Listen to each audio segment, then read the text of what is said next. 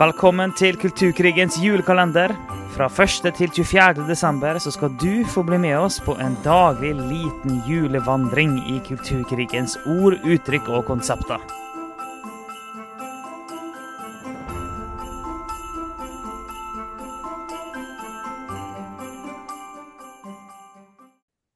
Velkommen til 2. desember og neste luke av eh, Kulturkrigens julekalender.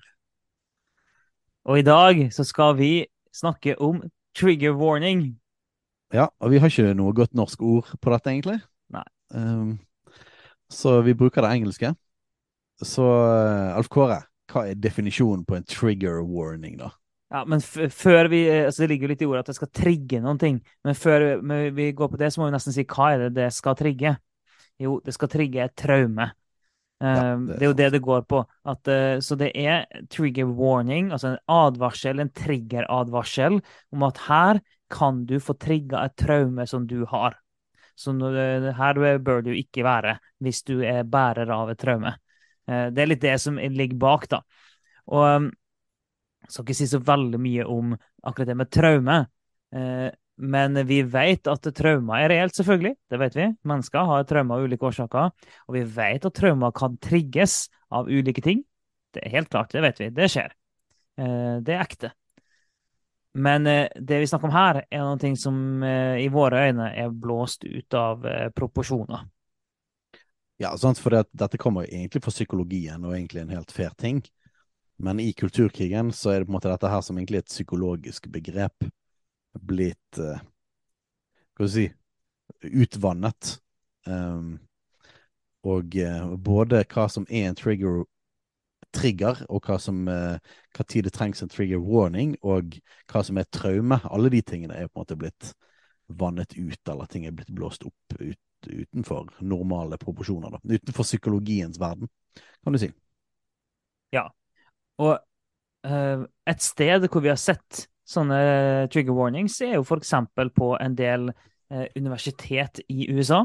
Og der kom jeg på at jeg hadde glemt å ta, glemt å ta på stoppeklokke. Det er greit. Eh, så da satte jeg på den. Men eh, vi har jo sagt vi skal holde oss til maks 15 minutter. Um, jeg tok det på 15 minutter nå, da? Nei, jeg tok litt mindre. Ja. Så det går bra. Det går bra. Men vi, vi vet at uh, på, del, på, noen universitet i USA så har de begynt med trigger warnings, og på noen lærebøker så har de begynt med trigger warnings. Den advarsler her om at uh, hvis du leser denne boka her, så kan det trigge traumet ditt, eller hvis du blir med på denne leksjonen her, så kan det trigge traumet ditt. Og, ja, og det er jo en del uh, universitetsprofessorer som har blitt kansellert av at de har snakket om ting som at har vært såpass traumetriggende, mm. uh, tydeligvis, da, at, at de har ikke fått lov til å undervise om de tingene, eller at de har gjerne endt opp med å bli sparket fra det universitetet. Men det som blir så eh. vanskelig, da, er at for, ja, det finnes triggere for traumer. Det er en reell psykologisk ting. Men i kulturkrigen så blir det brukt når ting bare føles litt vondt. Eh, og når er, noen er uenig med deg, så blir det brukt.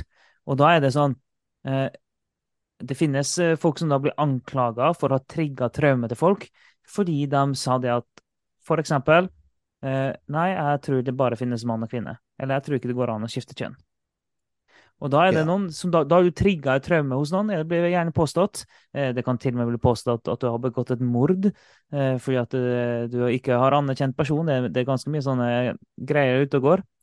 Um, og det er det som gjør at vi må være klar over at, at det, det blir brukt på den måten. Ja, og det er en, en av argumentene mot debatt er faktisk dette.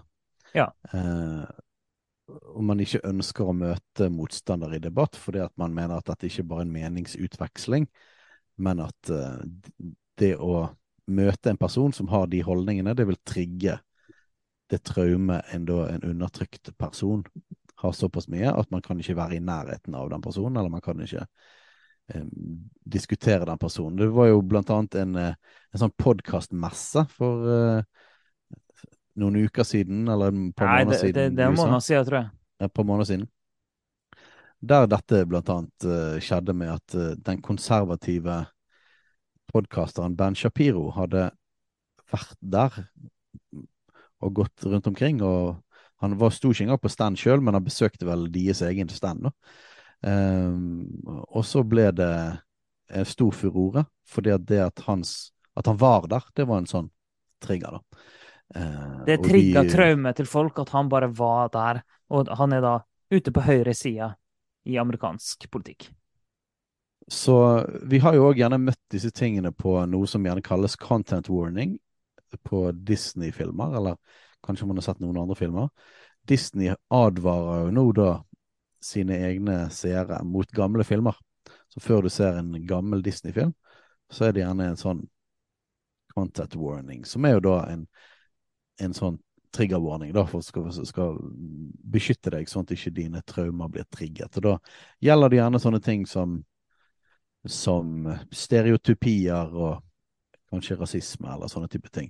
Pocahontas er en sånn film da, som har en sånn content warning, warning i forhold til stereotypier av eh, urbefolkning i USA, eh, og ord som blir brukt og sånne ting som det. da. Ja, så, men hva er problemet med dette, da? Eh, ja, for vi må alltid gå litt dypere. Det nevnte vi i går òg. At vi må, I går når vi snakka om mikro, mikroaggresjon, så det høres så fint ut, og vi må jo selvfølgelig snakke fint til mennesker og ikke snakke dumt. Ja, det er sant. Vi må gå litt dypere. OK. Eh, um, finnes det traume? Ja. Finnes det ting som trigger traume? Ja. Eh, er, er, alt traume? Nei. Eh, det finnes òg bare vonde følelser. Men, okay, men, men når det blir så voldsomt da, at det bare er ord som blir sagt, blir påstått å kunne trigge ting, hvor bare ord som eh, blir sagt, blir påstått å være skadelig. Da er vi over i det her eh, når noen snakker om at ord er vold. Og det er en sånn, eh, det er en postmodernistisk tanke det som har kommet, med at ord er vold. Og det handler jo om at Til alle menn der ute, Sett av helga 3. til 5. mai 2024, for da skal Kulturkrigen arrangere mannshelg på Hemsedal høyfjellssenter. Da skal vi gå inn i eh, mannstematikk koblet til kulturkrigen. Altså, hvordan er det å være mann i denne krigen vi står i i samfunnet, og hva er faktisk vårt ansvar og vår rolle? Så hvis du syns det er interessant, og hvis du liker å høre på denne podkasten her, så går du til fjells.no og melder deg på mannshelg med Kulturkrigen 3. til 5. mai. Gjør det nå. At hvis eh, eh når vi, hvis vi, vi mennesker, hvis vi sjøl definerer hele vår identitet, og vi skaper den virkeligheten gjennom ord og måten vi snakker på Bare gå tilbake og hør våre episoder om postmodernisme. Hvis det er sånn verden fungerer, og vi skaper virkeligheten gjennom ord, jo, da betyr det at når det kommer andre typer ord vår vei, så bryter det ned den virkeligheten vi har bygd opp. Eh, og da eh, er det vold og skade på vår identitet. For det kommer andre ord for å rive ned det vi har bygd opp med våre ord. Det er derfor eh, en postmodernistisk tanke sier det, at ord er vold. Og derfor må en da ha trigger warnings og forskjellig.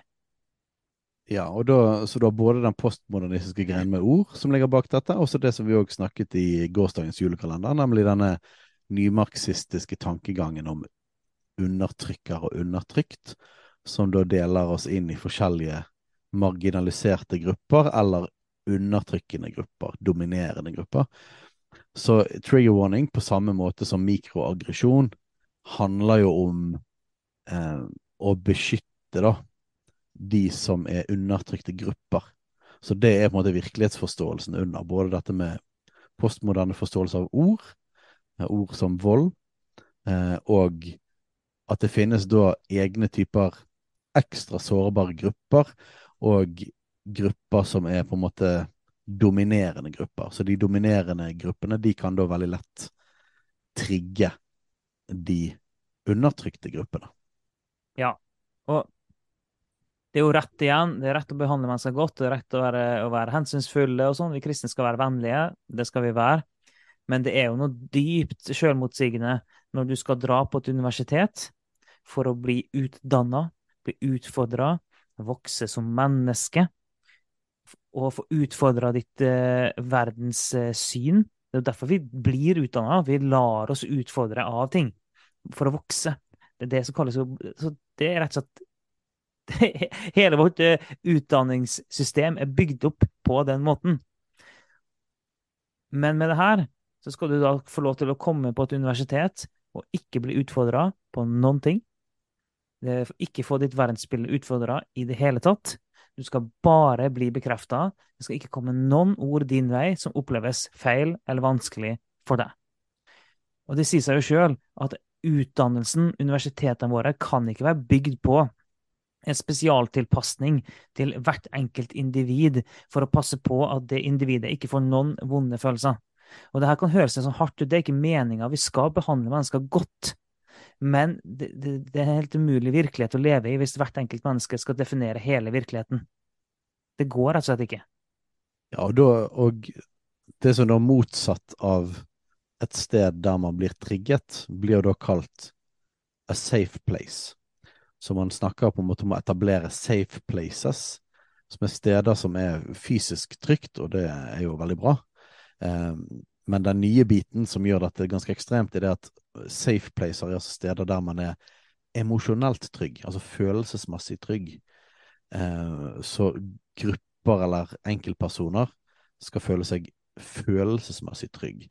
Eksempel på et universitet, og dette, er, dette går jo veldig masse ut av eksempel standup. Mm. Eh, og nok en gang, her er den engelskspråklige verden verre enn i Norge på dette. Um, England er nok der de er heftigst på dette, eller Storbritannia.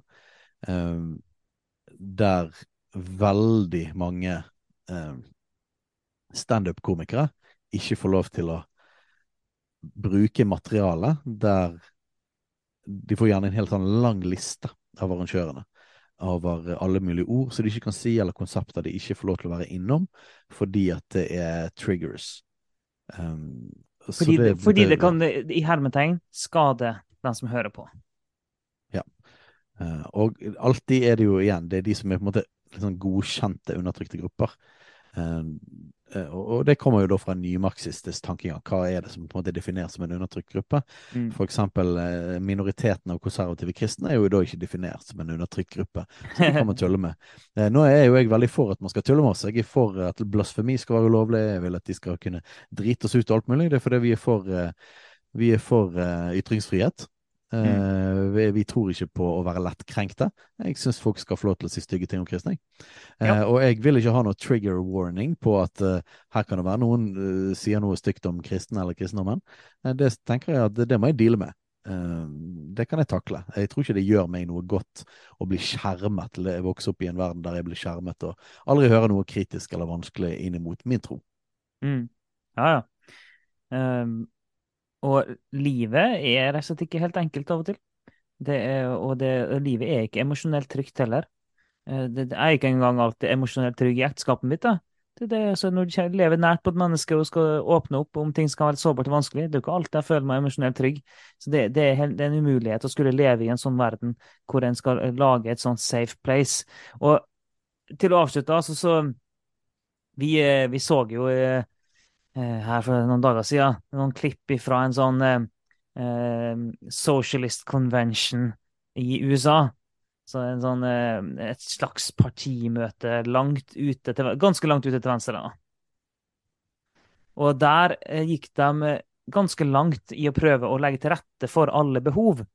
Og møte alle folk og unngå alle typer traumer. Det var, en, det var interessant, eh, interessant å se på. Ja, og det er jo vanskelig å snakke om uten å på en måte være latterliggjørende, for dette ble ganske absurd. Um, så dette skulle være et safe place, tydeligvis, der man tok hensyn til absolutt alle mulige ting.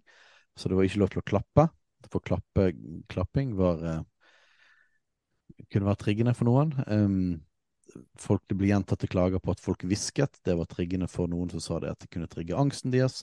De hadde egne rom der det ikke var lyd, der uh, der man kunne komme hvis man ble trigget av, av, av snakking og lyd, der, bare, der du bare fikk visuelle, visuelle, inntrykk. Men der var det viktig at ingen gikk inn hvis de hadde en sterk lukt eller en sterk parfyme, for det kunne være triggende. Um, det var gjentatte klager på at det var gendered language, som var triggende altså at man brukte Selv om de var veldig nøye med å si navnet sitt, men når hver person skulle si noe, så var det jeg, jeg heter det, og mine pronomener er han, hun eller diverse andre. og de var veldig nøye med å kalle hverandre kamerat istedenfor navn eller kjønn, så var det likevel gjentatte klager på at det var eh, triggende språkbruk. Og det hele eh, imploderte jo nesten av, i vekten av seg sjøl. Mm. Eh, fordi at det var et sånn enorm sensitivitet at de fikk jo knapt gjort noe som helst. Ja. Så det var en interessant eh, ting. Eh, vår tid er i praksis ute. Vi må lande den her nå. Eh, så det er hvordan trigger warning blir brukt i kulturkrigen i dag.